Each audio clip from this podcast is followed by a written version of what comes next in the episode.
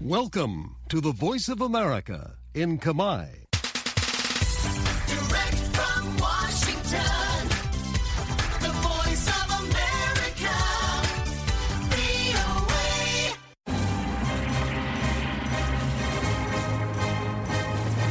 សួស្តីប្រិយមិត្តអ្នកស្ដាប់ជាទីមេត្រី នៅក្នុងកម្មវិធីផ្សាយតាមវិទ្យុរបស់ VOA នៅព្រឹកថ្ងៃសៅរ៍ទី10ខែកុម្ភៈឆ្នាំ2024នេះ ខ្ញុំជឹងពូជីននិងសហការីនៃក្រុមផ្សាយជាខេមរៈភាសាសូមស្វាគមន៍ប្រិយមិត្តពីរដ្ឋធានី Washington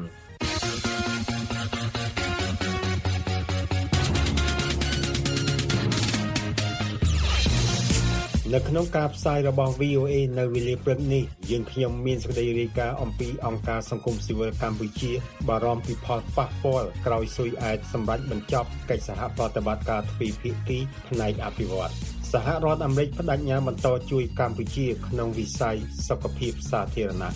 លោកពូទីននិងលោកស៊ីបញ្ជាក់ឡើងវិញពីចំណងតាក់ទងរឹងមាំនិងច្រានចោលការជាតិជ្រែករបស់សហរដ្ឋអាមេរិកហើយនឹងសេចក្តីរាយការណ៍អំពីពលរដ្ឋចិនដែលត្រឡប់ទៅស្រុកកំណើតក្នុងរដូវចូលឆ្នាំថ្មីនៅវល់វល់អំពីការងារនិងប្រាក់ចំណូល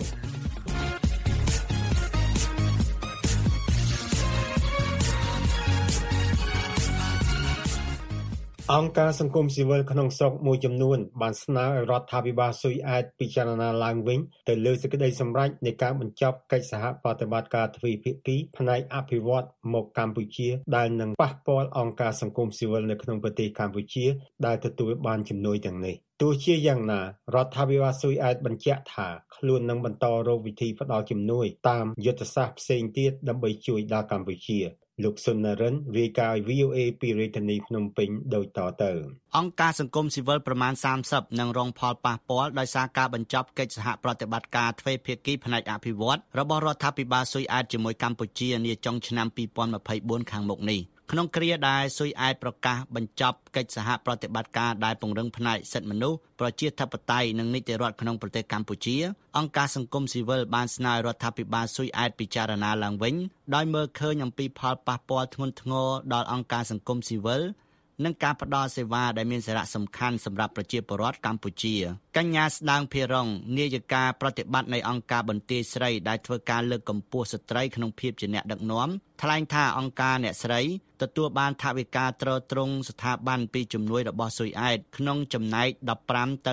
30%នៃការចំណាយសរុបប្រចាំឆ្នាំរបស់អង្គការកញ្ញាបន្ថែមថារដ្ឋាភិបាលស៊ុយអែតតាមរយៈទីភ្នាក់ងារស៊ីដាបានគ្រប់គ្រងផែនការយុទ្ធសាស្ត្ររបស់អង្គការរបស់អ្នកស្រីក្នុងរយៈពេល5ឆ្នាំ កញ្ញាប្រាប់ VOA កាលពីពេលថ្មីថ្មីៗថាដល់ពេលការសម្រេចចិត្តរបស់គាត់ភ្លាមភ្លាមៗហ្នឹងវាដូចធ្វើឲ្យយើងអឺមិនបាន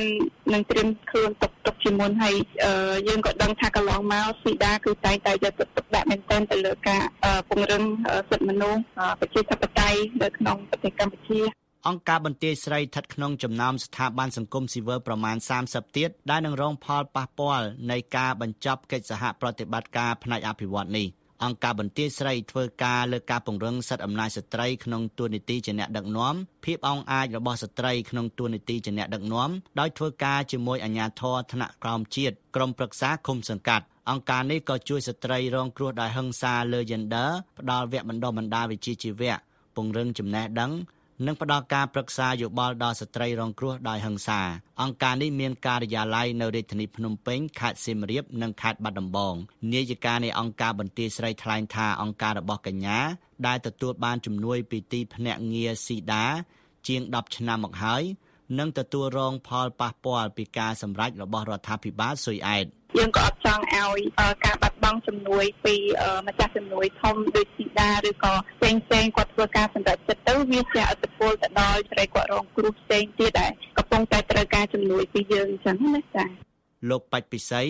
នាយកប្រតិបត្តិនៃអង្គការដំឡាភិបកម្ពុជាថ្លែងថាអង្គការរបស់លោកក៏ប្រឈមនឹងការសម្រេចបញ្ចប់កិច្ចសហប្រតិបត្តិការនេះដែរដោយតម្រូវឲ្យរកប្រភពជំនួយផ្សេងទៀតដើម្បីទ្រទ្រង់សកម្មភាពរបស់ខ្លួនលោកបន្ថែមថាការសម្រេចបញ្ចប់ជំនួយអភិវឌ្ឍនេះដោយសារមូលហេតុចំនួន2ទី1បញ្ហាអសន្តិសុខដូចជាសង្គ្រាមរុស្ស៊ីនិងអ៊ុយក្រែនការសម្រេចចិត្តរបស់ស៊ុយអែតចូលជាសមាជិកភាពរបស់អង្គការ NATO ដែលទាមទារឲ្យបរិច្ចាគថវិកាជាតិចូលទៅក្នុងថវិការបស់ NATO មូលហេតុទី2លោកពេជ្រពិសីលើកឡើងថាមានការវិតម្លៃថាការជួយជ្រោមជ្រែងរបស់ស៊ុយអែតក្នុងប្រទេសកម្ពុជាកាលពីកន្លងទៅមិនសូវបានផលវិជ្ជមាន ជាពិសេសការលើកកម្ពស់ប្រជាធិបតេយ្យការគោរពសិទ្ធិបញ្ហានីតិរដ្ឋនិងការប្រយុទ្ធប្រឆាំងនឹងអំពើពុករលួយលោកបន្ថែមថាការសម្រេចបញ្ចប់ជំនួយនេះ នឹងមានផលជះអវិជ្ជមានភ្លាមភ្លាមដល់អង្គការក្រៅរដ្ឋាភិបាលយ៉ាងហោចណាស់30ស្ថាប័នការសម្រេចចិត្តនៅក្នុងការដកទីភ្នាក់ងារអភិវឌ្ឍនិងកិច្ចសហប្រតិបត្តិការប្រទេសស៊ុយអែតចេញពីកម្ពុជានៅក្នុងចុងឆ្នាំ2024នេះយើងឃើញថានឹងមានផលប៉ះពាល់ភ្លាមភ្លាមហើយដោយផ្ទាល់តែម្ដង ទៅលើវិស័យសំខាន់សំខាន់ដែលកម្ពុជាត្រូវការចាំបាច់បាទជាពិសេសតកតងទៅនឹងការគោរពនៅគោលការណ៍លទ្ធិជាតិបតៃនីតិរដ្ឋគ្រប់នៅគោលការណ៍សិទ្ធិមនុស្សហើយនឹងការប្រយុទ្ធឆាំងពើពុករលួយតែម្ដងបើតាមលោកបច្ចពិសីរយៈពេលជាង30ឆ្នាំមកនេះប្រទេសស៊ុយអែតតាមរយៈទីភ្នាក់ងារស៊ីដាបានចូលរួមចំណែកយ៉ាងសំខាន់ក្នុងការជួយកម្ពុជាជាពិសេសលើផ្នែកអភិបាលកិច្ចល្អការដឹកនាំតាមបែបលទ្ធិប្រជាធិបតេយ្យបញ្ហានីតិរដ្ឋបញ្ហាយុត្តិធម៌លើកកម្ពស់នៅការគោរពសិទ្ធិមនុស្សនិងការប្រយុទ្ធប្រឆាំងនឹងអំពើពុករលួយ លោកពេជ្រពិសីបន្ថែមថារដ្ឋាភិបាលស៊ុយអែតអះអាងថាខ្លួននៅតែបន្តជំហរនឹងការតាំងចិត្តខ្ពស់តាមរយៈយុទ្ធសាស្ត្រការបរទេសនិងទីភ្នាក់ងារស៊ីដារបស់ខ្លួនដោយផ្ដោតលើការលើកកម្ពស់លទ្ធិប្រជាធិបតេយ្យបើទោះមិនមានកម្មវិធីដោយផ្ទាល់នៅកម្ពុជាក្តីកាលពីចុងឆ្នាំ2021រដ្ឋាភិបាលស៊ុយអែតបានបិទស្ថានទូតស៊ុយអែតប្រចាំនៅរាជធានីភ្នំពេញមុននឹងការសម្រេចបិទស្ថានទូតនេះស៊ុយអែតក៏បានសម្រេចបង្វែរជំនួយ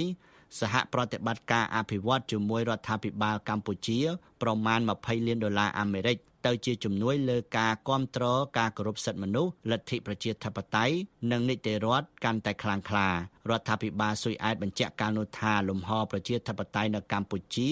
មានការរដ្ឋបិទយ៉ាងធ្ងន់ធ្ងរក្រោយការសម្រេចបញ្ចប់កិច្ចសហប្រតិបត្តិការផ្នែកអភិវឌ្ឍនេះ អង្គការសង្គមស៊ីវិលនិងបណ្ដាញសហគមន៍ប្រមាណ100ស្ថាប័នបានស្នើឲ្យរដ្ឋាភិបាលស៊ុយអែតពិចារណាឡើងវិញចំពោះសេចក្តីសម្រេចនេះឬទុករយៈពេលវែងបន្តិចដល់អង្គការសង្គមស៊ីវិលដើម្បីរកថវិកាពីប្រភពផ្សេងមកជំនួសពួកគេមើលឃើញថាការបញ្ចប់កិច្ចសហប្រតិបត្តិការនេះ នឹងមានផលប៉ះពាល់ភ្លាមភ្លាមនិងធ្ងន់ធ្ងរលើអង្គការសង្គមស៊ីវិលនិងស្ថាប័នអង្គការមិនមែនរដ្ឋាភិបាលផ្សេងទៀតដែលមានកាតព្វកិច្ចទទួលខុសត្រូវផ្នែកការងារដ៏លំបាកនិងផ្លូវច្បាប់ផ្សេងផ្សេងសម្រាប់បុគ្គលិកនិងប្រជាជនកម្ពុជាដែលពួកគេផ្ដល់សេវានេះបើយោងតាមលិខិតមួយច្បាប់ដាក់ទៅនាយករដ្ឋមន្ត្រីស៊ុយអែតកាលពីខែមករាដែល VOA ទទួលបាន។ជាការឆ្លើយតបនឹងលិខិតរបស់អង្គការសង្គមស៊ីវិលកម្ពុជា អ្នកស្រី Dina Chen រដ្ឋលេខាធិការនៃក្រសួងសហប្រតិបត្តិការអភិវឌ្ឍអន្តរជាតិនិងពាណិជ្ជកម្មបរទេសរបស់ស៊ុយអែតបញ្ជាក់ក្នុងលិខិតថារដ្ឋាភិបាលស៊ុយអែតបានកាត់បន្ថយចំនួនប្រទេសដែលមានកិច្ចសហប្រតិបត្តិការអភិវឌ្ឍជាមួយហើយវាជារឿងគួរឲ្យសោកស្ដាយដែលកម្ពុជាជាប្រទេសក្នុងចំណោមប្រទេសទាំងនោះអ្នកស្រីបញ្ជាក់ក្នុងលិខិតមួយច្បាប់ដែលក្រសួងការបរទេសស៊ុយអែតផ្ដល់ឲ្យ VOA ក្នុងអត្ថន័យដើមថា ដូច្នេះយើងនឹងព្យាយាមឲ្យអស់ពីសមត្ថភាពដើម្បីធានាថាការបញ្ចប់ជំនួយប្រកបដោយការទទួលខុសត្រូវយើងនឹងស្វែងរកកិច្ចពិភាក្សាជាមួយម្ចាស់ជំនួយនិងដៃគូផ្សេងទៀតដើម្បីកាត់បន្ថយផលវិបាកអវិជ្ជមាន។ បើតាមព័ត៌មាននៅលើគេហទំព័រស៊ីដាក្នុងឆ្នាំ2023ជំនួយអភិវឌ្ឍរបស់ស៊ុយអែតមកកម្ពុជាមានប្រមាណ17លានដុល្លារអាមេរិកដែលជួយអង្គការសង្គមស៊ីវិលក្នុងប្រទេសកម្ពុជាលោកណូវីនាយកប្រតិបត្តិរបស់សមាគមកម្ពុជាថ្លែងថាកន្លងមកជំនួយពីរដ្ឋាភិបាលស៊ុយអែតមានភាពចាំបាច់និងសារៈសំខាន់ណាស់ នៅក្នុងការជួយពង្រឹងដំណើរការប្រជាធិបតេយ្យនិងពង្រឹងការចូលរួមរបស់ប្រជាពលរដ្ឋនិងលើកកម្ពស់សិទ្ធិមនុស្សក្នុងប្រទេសកម្ពុជាលោកបន្ថែមថាជំនួយនេះក៏បានចូលរួមចំណែកយ៉ាងសំខាន់ក្នុងការពង្រឹងសេរីភាពសារព័ត៌មានសារព័ត៌មានឯករាជ្យនិងគាំទ្រការងាររបស់អ្នកសារព័ត៌មានវិជ្ជាជីវៈក្នុងប្រទេសកម្ពុជាផងដែរដែលខ្ញុំគិតថានេះគឺជារឿងមួយដែលមានភាពចាំបាច់ដែលយើងទទួលដល់រាជរដ្ឋាភិបាលស៊ុយអែតឲ្យគាត់ពិចារណានៅក្នុងការបន្តជួយដល់ការពង្រឹងអង្គការសង្គមស៊ីវិលការផ្ដល់មូលនិធិដល់អង្គការសង្គមស៊ីវិលនៅក្នុងប្រទេសកម្ពុជាយើងដើម្បីឲ្យយើងអាចជួយពង្រឹងដល់ការជួយពង្រឹងអភិបាលកិច្ចក៏ដូចជាការពង្រឹងសិទ្ធិអំណាចរបស់ប្រជាពលរដ្ឋនៅមូលដ្ឋានបន្តទៀតបាទលោកអំសំអាតនាយកទទួលបន្ទុកទូតនៃអង្គការការពារសិទ្ធិមនុស្សលីកាដូថ្លែងថាបញ្ហាសិទ្ធិមនុស្សនិងលទ្ធិប្រជាធិបតេយ្យនៅកម្ពុជាត្រូវការការកែលម្អដូច្នេះការចូលរួមរបស់អង្គការសង្គមស៊ីវិលមានសារៈសំខាន់ក្នុងការរួមចំណែកភាពជាដៃគូរបស់រដ្ឋាភិបាលកម្ពុជា លោកមើលឃើញថាជំនួយរបស់ស៊ុយអែតមានសារៈសំខាន់ណាស់ក្នុងការជួយកម្ពុជាឲ្យដើរតាមគន្លងប្រជាធិបតេយ្យនិងការគោរពសិទ្ធិមនុស្សឲ្យបានពេញលេញ លោកប៉ែនប៊ុនណាអ្នកនាំពាក្យរបស់រដ្ឋាភិបាលមើលឃើញថាការបញ្ចប់កិច្ចសហប្រតិបត្តិការនេះដោយសារប្រទេសម្ចាស់ជំនួយយល់ថារដ្ឋាភិបាលកម្ពុជា បានបំពេញការងារទាំងនេះល្អប្រសើរហើយដូច្នេះមិនចាំបាច់មានជំនួយ មកដល់អង្គការសង្គមស៊ីវិលឡើយហើយរាជរដ្ឋាភិបាលបានកំពុងខិតខំធ្វើកិច្ចការងារគ្រប់បែបយ៉ាងដើម្បីលើកកម្ពស់ជីវភាពប្រជាពលរដ្ឋលើកកម្ពស់គ្រប់វិស័យមានទាំងវិស័យអប់រំសុខាភិបាលអីគ្រប់បែបយ៉ាងអញ្ចឹងគេមើលឃើញថារាជរដ្ឋាភិបាលមានតួនាទីសំខាន់ហើយគេធ្វើការងារបានល្អហើយអញ្ចឹងគាត់មិនចំណាយលុយទៅឲ្យ NGO ទៀតទេនេះគឺជារឿងរបស់គាត់ដែលគាត់គិតឃើញអញ្ចឹងហើយបានជាគេសម្រេចអញ្ចឹងនឹងបាទ លោកប៉ែនបូណាបន្ថែមថាអង្គការក្រៅរដ្ឋាភិបាលមួយចំនួន បានបំពេញការងារជួយកម្ពុជាបានច្រើនប៉ុន្តែលោកថា អង្គការសង្គមស៊ីវិលខ្លះសរសេររបាយការណ៍អាក្រក់ពីកម្ពុជាដើម្បីទទួលបានជំនួយក្រសួងការបរទេសរបស់ស៊ុយអែតប្រាប់ VOA កាលពីខែមករាថារដ្ឋាភិបាលស៊ុយអែតចង់ឲ្យជំនួយអភិវឌ្ឍរបស់ខ្លួនត្រូវបានប្រើប្រាស់ដោយមានប្រសិទ្ធភាពតាមដែលអាចធ្វើទៅបានហើយវាត្រូវបានប្រើប្រាស់នៅកន្លែងដែលល្អបំផុតក្រសួងការបរទេសបញ្ជាក់ថាធនធានមានកម្រិតខណៈមានតម្រូវការកើនឡើងនៅបរទេសដូច្នេះវាតម្រូវឲ្យរដ្ឋាភិបាលត្រូវតែផ្ដោតលើអាទិភាពចាំបាច់ក្រសួងការបរទេសបញ្ជាក់ថាស៊ុយអែតនឹងបន្តជាអ្នកគ្រប់គ្រងខ្លាំងក្លាលើផ្នែកសិទ្ធិមនុស្សនិងប្រជាធិបតេយ្យក្នុងប្រទេសកម្ពុជាតាមរយៈការចូលរួមនៅក្នុងវេទិកាពហុភាគីនិងក្នុងក្របខ័ណ្ឌសហភាពអឺរ៉ុបរដ្ឋាភិបាលស៊ុយអែតបញ្ជាក់ថាការបញ្ចប់កិច្ចសហប្រតិបត្តិការផ្នែកអភិវឌ្ឍនេះមិនមែនមានន័យថាជាការបញ្ចប់ទាំងស្រុងនៃជំនួយរបស់ស៊ុយអែតមកកម្ពុជាឡើយរហូតមកដល់ពេលនេះក្រសួងការបរទេសស៊ុយអែតមិនទាន់អាចបញ្ជាក់ថាតើស្ថានទូតស៊ុយអែត ការិយាល័យប្រចាំកម្ពុជានឹងត្រូវបិទឬយ៉ាងណានោះទេក្រោយរដ្ឋាភិបាលសម្រេចបញ្ចប់កិច្ចសហប្រតិបត្តិការផ្នែកអភិវឌ្ឍនៅចុងឆ្នាំនេះរាយការណ៍ពីរាជធានីភ្នំពេញខ្ញុំសុននរិន VOA Voice of America. នាយិកានៃមជ្ឈមណ្ឌលប្រយុទ្ធនិងបង្ការជំងឺឆ្លង CDC របស់សហរដ្ឋអាមេរិកលោកស្រីវិជ្ជបណ្ឌិត Mandy K Cohen បានមកបំពេញទស្សនកិច្ចរយៈពេល2ថ្ងៃនៅកម្ពុជានិងបានជួបពិភាក្សាជាមួយរដ្ឋមន្ត្រីក្រសួងសុខាភិបាលនិងមន្ត្រីរដ្ឋាភិបាលទីក្រុងភ្នំពេញមួយចំនួនទៀតអំពីបញ្ហានៃការលើកកម្ពស់វិស័យសុខភាពសាធារណៈនៅកម្ពុជា។ឯកអគ្គរដ្ឋទូតសហរដ្ឋអាមេរិកប្រចាំនៅកម្ពុជាបានកត់សម្គាល់ថា ទស្សនកិច្ចរបស់វិជ្ជបណ្ឌិត Cohen បញ្ជាក់ពីការបដិញ្ញាចិត្តរបស់សហរដ្ឋអាមេរិកចំពោះការលើកកម្ពស់វិស័យសុខភាពសាធារណៈនៅកម្ពុជាលោកហុលរស្មីរាយការណ៍ VOA ពីរាជធានីភ្នំពេញដូចតទៅរដ្ឋាភិបាលទីក្រុង Washington បានឲ្យដឹងពីការបដិញ្ញារបស់ខ្លួនក្នុងការបន្តកិច្ចសហប្រតិបត្តិការជាមួយរដ្ឋាភិបាលទីក្រុងភ្នំពេញក្នុងការលើកស្ទួយវិស័យសុខភាពសាធារណៈនៅកម្ពុជាគណៈមន្ត្រីសុខាភិបាលជាន់ខ្ពស់ សហរដ្ឋអាមេរិកមួយរូបបានមកបំពេញទស្សនកិច្ចនៅកម្ពុជាហើយបានជួបមន្ត្រីមួយចំនួនដើម្បីពិភាក្សាកិច្ចការចាំបាច់ជាច្រើនពាក់ព័ន្ធនឹងវិស័យសុខាភិបាលនេះបើតាមសេចក្តីប្រកាសព័ត៌មានរបស់ស្ថានទូតសហរដ្ឋអាមេរិកប្រចាំនៅទីក្រុងភ្នំពេញសេចក្តីប្រកាសព័ត៌មានដែលបានចេញផ្សាយកាលពីថ្ងៃប្រហោះបានលើកឡើងថានាយិកានៃមជ្ឈមណ្ឌលប្រយុទ្ធនិងបង្ការជំងឺឆ្លង CDC របស់សហរដ្ឋអាមេរិកអ្នកស្រីវិជ្ជបណ្ឌិត Mandy K Cohen បានជួបពិភាក្សាជាមួយមន្ត្រីជាន់ខ្ពស់កម្ពុជា និងដៃគូធ្វើការក្នុងវិស័យសុខភាពសាធារណៈចាប់ពីថ្ងៃទី7ដល់ថ្ងៃទី8ខែកុម្ភៈក្នុងជំនួបជាមួយរដ្ឋមន្ត្រីក្រសួងសុខាភិបាលលោកឈៀងរ៉ានិងមន្ត្រីនៅក្រសួងការបរទេសនិងសហប្រតិបត្តិការអន្តរជាតិអ្នកស្រីវិជ្ជបណ្ឌិត Cohen បានរំលឹកពីកិច្ចសហការជាដៃគូដ៏យូរមកដែលមានរយៈពេល22ឆ្នាំរវាងមជ្ឈមណ្ឌលប្រយុទ្ធ និងបង្ការជំងឺឆ្លង CDC សហរដ្ឋអាមេរិកនិងប្រទេសកម្ពុជានិងបានគូបញ្ជាក់ពីសារៈសំខាន់នៃការបន្តកិច្ចសហការគ្នានៅក្នុងការការពារនិងរកឃើញទាន់ពេលនៅជំងឺផ្លូវដង្ហើមនិងការឆ្លើយតបហើយនឹងការត្រៀមរៀបចំសម្រាប់គ្រាបន្ទាន់ផ្នែកសុខភាពសាធារណៈលោកឯកអគ្គរដ្ឋទូតសហរដ្ឋអាមេរិកប្រចាំកម្ពុជា W Patrick Murphy ត្រូវបានស្រង់សម្ដីក្នុងសេចក្តីប្រកាសនោះថា ទស្សនកិច្ចរបស់វិជ្ជាបណ្ឌិត Cohen បញ្ជាក់ពីការបដិញ្ញាចិត្តរបស់សហរដ្ឋអាមេរិកចំពោះការលើកកម្ពស់វិស័យសុខភាពសាធារណៈនៅកម្ពុជាភាពជាដៃគូជាបន្តបន្ទាប់របស់ CDC អាមេរិកបានជួយកម្ពុជាប្រកបដោយប្រសិទ្ធភាពក្នុងការប្រឆាំងនឹងជំងឺអេដស៍របេងគ្រុនចាញ់ផ្ដាសាយនិងជំងឺឆ្កែឆ្កួត លោកបន្ថែមថារដ្ឋាភិបាលសហរដ្ឋអាមេរិកដែលរួមមានទាំង CDC និងទីភ្នាក់ងារសហរដ្ឋអាមេរិកដទៃទៀតផ្នែកសុខភាពដែលកំពុងធ្វើការនៅព្រះរាជាណាចក្រកម្ពុជាក៏បានជួយផងដែរដល់អាជ្ញាធរកម្ពុជាក្នុងការឆ្លើយតបបានភ្លាមភ្លាមនិងប្រកបដោយប្រសិទ្ធភាពបំផុតក្នុងចំណោមការឆ្លើយតបប្រកបដោយប្រសិទ្ធភាពបំផុតក្នុងពិភពលោកទៅនឹងការផ្ទុះឡើងនៃជំងឺ Covid-19 ចំណែករដ្ឋមន្ត្រីក្រសួងសុខាភិបាលលោកឈៀងរ៉ាបានស្វាគមន៍នឹងថ្លែងអំណរគុណដល់សហរដ្ឋអាមេរិកនិងប្រជាជនអាមេរិកតាមរយៈការផ្តល់ជំនួយសហប្រតិបត្តិការបច្ចេកទេសដល់វិស័យសុខាភិបាលតាមរយៈទីភ្នាក់ងារសហរដ្ឋអាមេរិកសម្រាប់ការអភិវឌ្ឍអន្តរជាតិហៅកាត់ថា USAID ជាពិសេសបញ្ជាក់មណ្ឌលត្រួតពិនិត្យនិងបង្ការជំងឺឆ្លងរបស់អាមេរិក US CDC ដែលបានសហការចូលរួមគ្រប់គ្រងក្រសួងសុខាភិបាលនិងរួមចំណែកលើក កម្ពស់សុខុមាលភាពប្រជាជនកម្ពុជានិងធ្វើឲ្យប្រសើរឡើងនៅប្រព័ន្ធថែទាំសុខភាពដែលមានភាពធន់និងរឹងមាំនៅប្រទេសកម្ពុជាជាច្រើននាពេលកន្លងមក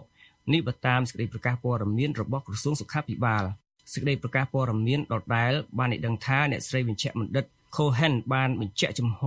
បន្តកិច្ចសហប្រតិបត្តិការរួមគ្នាពង្រឹងភាពជាដៃគូដើម្បីសម្រេចបាននៅគោលដៅ ដែលបានកំណត់ដោយផែនការយុទ្ធសាស្ត្រសុខាភិបាល2022-2030ព្រមទាំងសហការបន្តពង្រឹងសន្តិសុខសុខភាព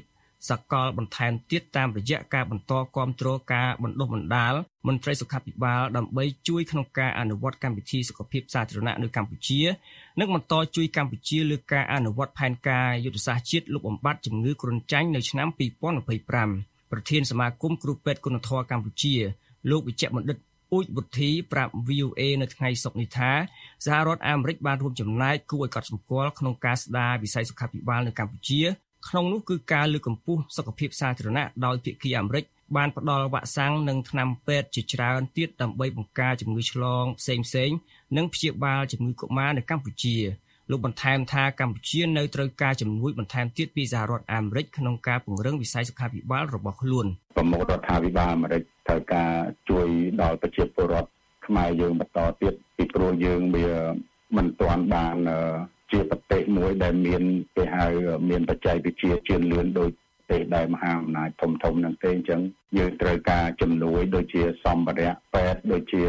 ថ្នាំពេទ្យ ដែលយើងត្រូវការជានិច្ចហ្នឹងដើម្បីជួយដល់ប្រជាពលរដ្ឋយើងបាទ VOA មិនទាន់អាចតាក់ទងសុំការអត្ថាធិប្បាយពីអ្នកនាំពាក្យក្រសួងសុខាភិបាលអ្នកស្រីវិជ្ជបណ្ឌិតអាវ៉ាន់ឌិនបានទេនៅថ្ងៃសុក្រនេះ VOA ក៏មិនអាចតាក់ទងសុំការអត្ថាធិប្បាយពី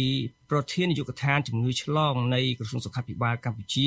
លោកវិជ្ជបណ្ឌិតលីសវណ្ណបានដែរអំឡុងពេលកំពុងបំពេញទស្សនកិច្ចនៅកម្ពុជាអ្នកស្រីវិជ្ជបណ្ឌិត Cohen បានទៅមើលកន្លែងលក់សត្វបក្សីរស់នៅផ្សារអូរុស័យ មន្ទីរពេទ្យកុមារជាតិមន្ទីរពិសោធន៍នៅវិទ្យាស្ថានជាតិសុខភាពសាធារណៈនិងមជ្ឈមណ្ឌល CDC កម្ពុជាដើម្បីពិនិត្យមើលពីកិច្ចប្រឹងប្រែងរួមគ្នាដ៏ខ្លាំងរវាង CDC អាមេរិកនិងដៃគូនានាដើម្បីការពារតាមដាននិងឆ្លើយតបនឹងការគំរាមកំហែងនៃវីរុសផ្លូវដង្ហើមថ្មីថ្មីនេះបើតាមសេចក្តីប្រកាសព័ត៌មានរបស់ស្ថានទូតអាមេរិកប្រចាំទីក្រុងភ្នំពេញ អ្នកស្រីក៏បានចុះពិនិត្យដោយផ្ទាល់នៅមណ្ឌលសុខភាពទួលគោកនៅភ្នំពេញអំពីកិច្ចសហការគ្នាជាដៃគូក្នុងមូលដ្ឋានក្នុងការដោះស្រាយបញ្ហាជំងឺអេដស៍និងជំងឺឆ្លងដទៃទៀត។លើសពីនេះអ្នកស្រីបានទៅទស្សនាសារមន្ទីរប្រឡាយពូជសាសន៍ទួលស្លែងផងដែរដើម្បីឆ្វេងយល់បន្ថែមពីការជួយឧបត្ថម្ភរបស់សហរដ្ឋអាមេរិកក្នុងការនាំមកនូវយុត្តិធម៌គណនេយ្យភាពនិងការអភិរក្សនៅវត្ថុចងចាំពីជនរងគ្រោះដោយសារអំពើឃោរឃៅ សហរដ្ឋអាមេរិកបានរួមចំណែកជួយវិស័យសុខាភិបាលកម្ពុជាជាច្រើនរួមមានកម្មវិធីរបស់ប្រធានាធិបតីអាមេរិកសម្ដៅទប់ស្កាត់ការចម្លងជំងឺអេដជាបន្ទាន់ដើម្បីធ្វើឲ្យលែងមានជំងឺអេដនៅត្រឹមឆ្នាំ2030លើកកម្ពស់ការលុបបំបាត់ជំងឺគ្រុនចាញ់លើកកម្ពស់សន្តិសុខជាសកលផ្នែកសុខភាពការឆ្លើយតបនឹងជំងឺ Covid-19 និងពង្រីកការចាក់វ៉ាក់សាំងការពារកាត់បន្ថយអត្រាមរណភាពមាតានិងទារក និងការពង្រឹងប្រព័ន្ធសុខាភិបាលនេះបើតាមសេចក្តីប្រកាសព័ត៌មានរបស់ស្ថានទូតអាមេរិកប្រចាំនៅកម្ពុជារាយការណ៍ពីរាជធានីភ្នំពេញខ្ញុំហុលរស្មី VOA Voice of America. មេដឹកនាំចិននិងរុស្ស៊ីបាននិយាយគ្នាតាមទូរស័ព្ទកាលពីថ្ងៃពហុដោយបានពិភាក្សាគ្នាអំពីចំណងទាក់ទងការទូតនិងពាណិជ្ជកម្មយ៉ាងរឹងមាំនិងផែនការរបស់ខ្លួនក្នុងការរៀបចំសណ្ដាប់ធ្នាប់ពិភពលោកដែលមានប្រទេសជាមហាអំណាចច្រើននិងកាន់តែយុត្តិធម៌ឡើង VOA ផ្នែកភាសាអង់គ្លេសរាយការណ៍អំពីរឿងនេះហើយខ្ញុំជើងពូឈីនជួនក្តីប្រែសម្រួលដោយតទៅ ប្រធានាធិបតីរុស្ស៊ីលោក Vladimir Putin និងប្រធានាធិបតីចិនលោក Xi Jinping បាននិយាយគ្នាតាមទូរស័ព្ទកាលពីថ្ងៃពហុហើយអ្នកទាំងពីរបានបញ្ជាក់ឡើងវិញពីចំណងទាក់ទងការទូតដ៏រឹងមាំរបស់ប្រទេសទាំងពីរខណៈដែលពួកគេច្រានចោលអ្វីដែលមេដឹកនាំទាំងពីរបានហៅថាការជៀតជ្រែករបស់សហរដ្ឋអាមេរិកនៅក្នុងកិច្ចការរបស់ប្រទេសផ្សេងទៀតនេះបើតាមសម្ដីរបស់រដ្ឋាភិបាលរុស្ស៊ី មេដឹកនាំទាំងពីរក៏បានពិភាក្សាអំពីការបង្កើតសណ្ដាប់ធ្នាប់ពិភពលោកដែលមានប្រទេសជាមហាអំណាចច្រើនកាន់តែយុត្តិធម៌ឡើង និងអំពីវិធីបន្តការរក្សាទំនាក់ទំនងឲ្យជិតស្និទ្ធនៅថ្ងៃអនាគតនេះបើតាមសម្ដីលោក Yuri Usakov អ្នកជំនួយការរដ្ឋាភិបាលរុស្ស៊ីនៅក្នុងសន្និសីទកាសែតកាលពីថ្ងៃពហុ រុស្ស៊ីនិងចិនបានប្រកាសភាពជាដៃគូគ្មានព្រំដែនកាលពី2ឆ្នាំមុនក្នុងអំឡុងនៃដំណើរទស្សនកិច្ចរបស់លោកពូទីនទៅកាន់ទីក្រុងប៉េកាំងទស្សនកិច្ចនេះបានកើតមានឡើងប៉ុន្មានថ្ងៃ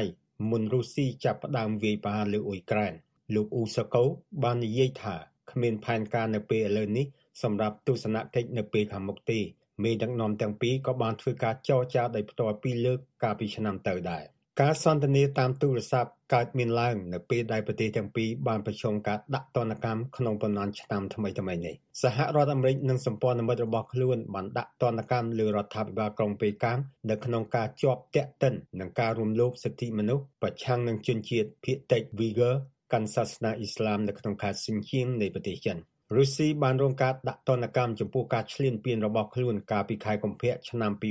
2022លើប្រទេសអ៊ុយក្រែន។ សេចក្តីថ្លែងការណ៍របស់រដ្ឋាភិបាលវិមានក្រមឡើងបានបញ្ជាក់ថាមេដឹកនាំទាំងពីរបាននិយាយអំពីចំណងទាក់ទងសេដ្ឋកិច្ចដែលកំពុងរីកដុះដាលរបស់ខ្លួនដោយទំនាក់ទំនងរវាងចិននិងរុស្ស៊ីបានឡើងដល់កម្រិតខ្ពស់បំផុតមិនធ្លាប់មានកាលពីពេលមុនមកទិន្នន័យគុយចិនបានបង្ហាញថា ពាណិជ្ជកម្មរវាងចិននិងរុស្ស៊ីបានឡើងដល់218កណ្ដោសញ្ញា2000លានដុល្លាររវាងខែមករានិងខែវិច្ឆិកានៅឆ្នាំ2023ដែលបានសម្រេចគោលដៅដែលបានកំណត់កាលពីមុនសម្រាប់ឆ្នាំ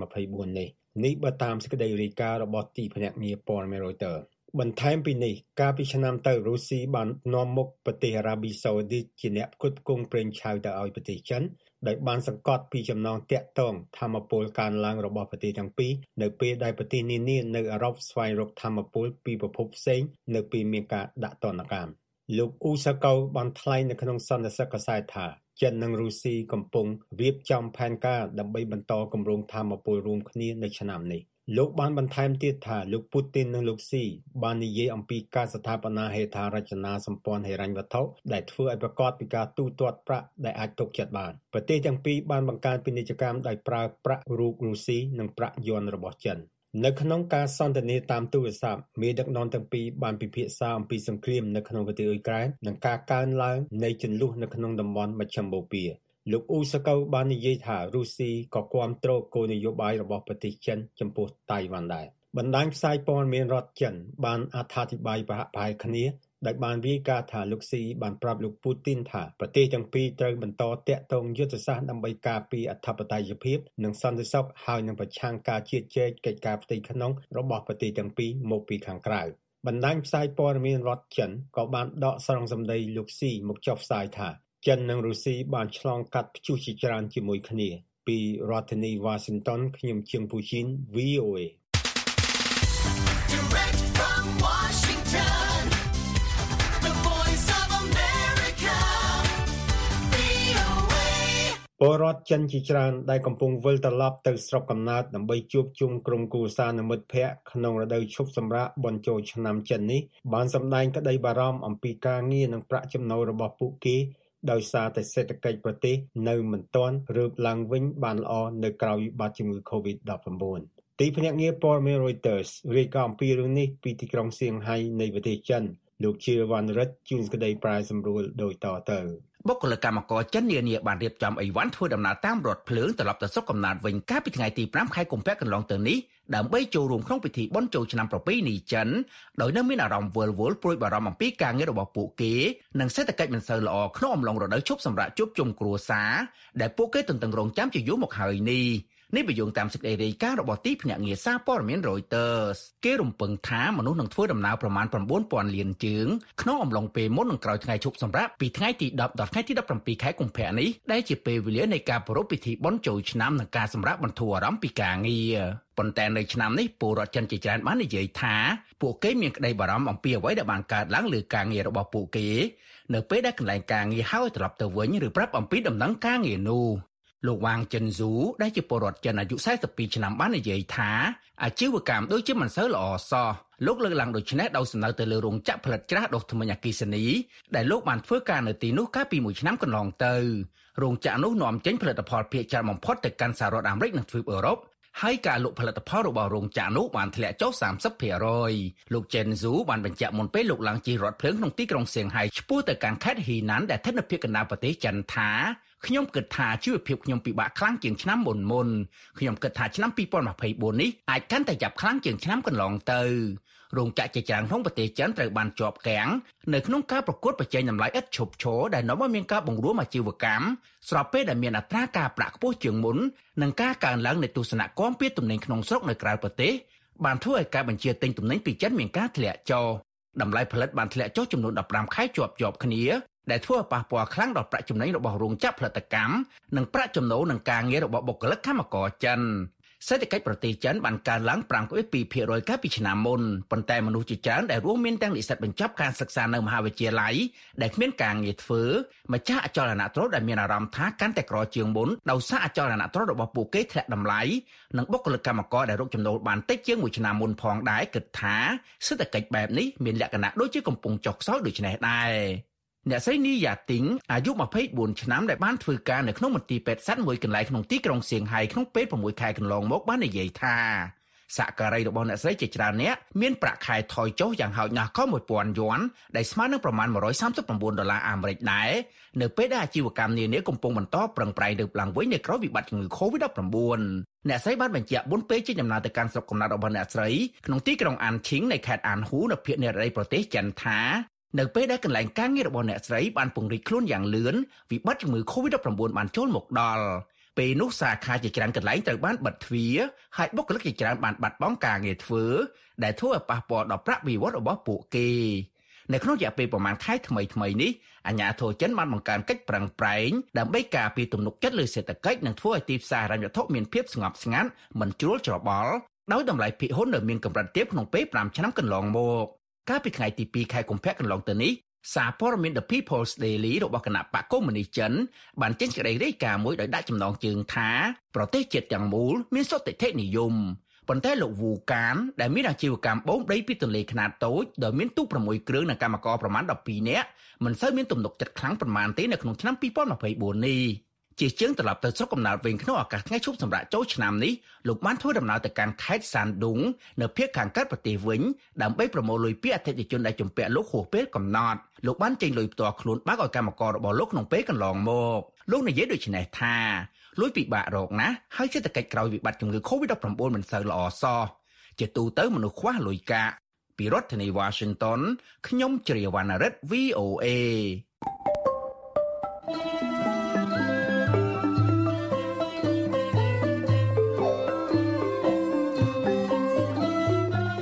កម្មវិធីផ្សាយរបស់ VOA នៅព្រឹកនេះចប់តែត្រឹមនេះសូមអរលោកអ្នករងចាំស្ដាប់សេចក្តីរាយការណ៍ព័ត៌មានជាតិនិងអន្តរជាតិរបស់ VOA នៅក្នុងការផ្សាយបន្តផ្ទាល់របស់យើងខ្ញុំនៅរាត្រីនេះទៀតពីម៉ោង8:30នាទីដល់ម៉ោង9:30នាទី តាមរលកវិទ្យុ 25m ឬនឹងកម្រិត11695និង1575 kHz ឬតាមប្រព័ន្ធអ៊ីនធឺណិតដែលមានអាសយដ្ឋានខ្មែរ .voenews.com សូមអរលោកអ្នកបានប្រកបដោយសេចក្តីសុខនិងសុភមង្គលគ្រប់ប្រការអារុនសួស្តី